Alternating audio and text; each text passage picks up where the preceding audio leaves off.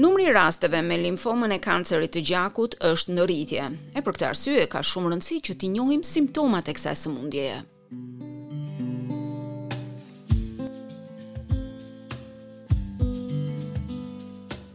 Renee Wooten është 29 vjeçare.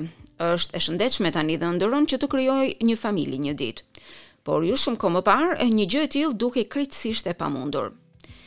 Tetorin e kaluar ajo mendoi se kishte bajame të infektuara, por në të vërtetë vuante nga një formë e caktuar e kancerit të gjakut të quajtur limfoma non-Hodgkins. Është një nga njëzet australianë të tjerë që diagnostikohen me këtë sëmundje çdo ditë. To be honest, it probably took me two or three weeks to actually be able to pronounce non-Hodgkin's lymphoma, cause it is a mouthful and yeah, when she said that it was a type of blood cancer. Të jem e sinqertë, m'u deshën dy ose tre javë që të mësoj të shqiptoj limfomën non-Hodgkin's. Por m'u tha se ishte një lloj i kancerit të gjakut. Gjithçka ishte turbullt, nuk mund ta besoja. Të jem e sinqertë, m'u duk sikur po bënin një gabim. Zonja Wooten e ka dokumentuar udhëtimin e saj me kancerin që nga fillimi deri në fund. Që nga diagnoza e deri në valën e emocioneve që pati në atë periudhë.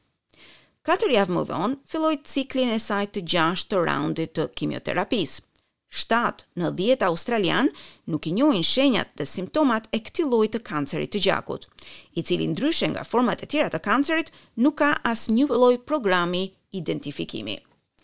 Chris Tanti është kryeshef ekzekutiv i Fondacionit të Leukemisë. There's no way of working out whether you're at risk.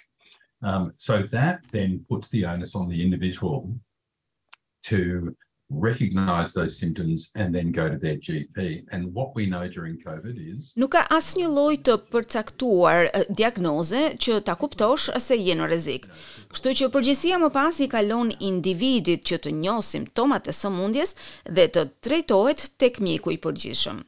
Tani e kemi mësuar, ajo që dimë gjatë Covid nëntëmbëdhjetë është se askush nuk shkon tek mjeku i përgjithshëm, është mjaft e vështirë për të marrë takime, sigurisht për ata persona të cilët nuk vijnë nga vende ku flitet anglisht. Simptomat e limfomës Hodgkins mund të përfshijnë enjtje pa dhimbje të nyjeve limfatike dhe djersitje gjatë natës. Fondacioni i Leukemisë ka financuar më shumë se pesëdhjetë milionë dollarë në drejtim të kërkimeve për kancerin e gjakut duke filluar që nga viti dy mijë. Zoti Tanti thotë se studimet tani kanë sjellë rezultate më të mira.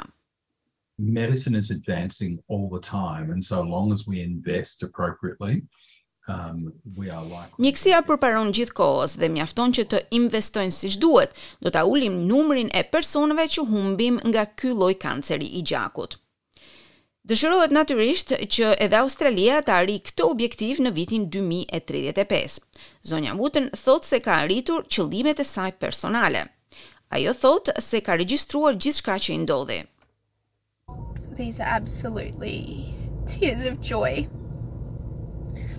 Because my scans are all clear. Pata lot gëzimi sepse skanerat e mia janë të qartë. Tani nuk kam asnjë lloj sëmundjeje. Zonja Wooten është e vendosur që ta shpërndajë historinë e saj, por dhe të mësojë të tjerët. I just knew that deep down this was not how my story was gonna end. That was not an option for me so I just I sat in the emotions and when I felt sad I allowed myself. Thjesht e dija se historia ime nuk do të përfundonte kështu. Nuk ishte opsion për mua.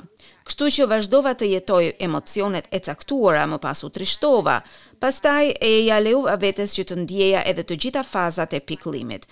Dhe isha dakord me këtë. Sigurisht, ka patur ditë kur isha e zemëruar, e mërzitur, e çmendur dhe pyesja pse unë? Pse unë, kur jam besimtarja më e madhe që jeta ndodh për të gjithë ashtu siç duhet? Tani jam ulur, kam ndërgjegjësuar veten dhe kam marrë gjithçka parasysh. E dua që ta shpërndaj këtë mesazh dhe tek të tjerët. Ndoshta kjo ishte dhe arsyeja pse u sëmura, thotë ajo.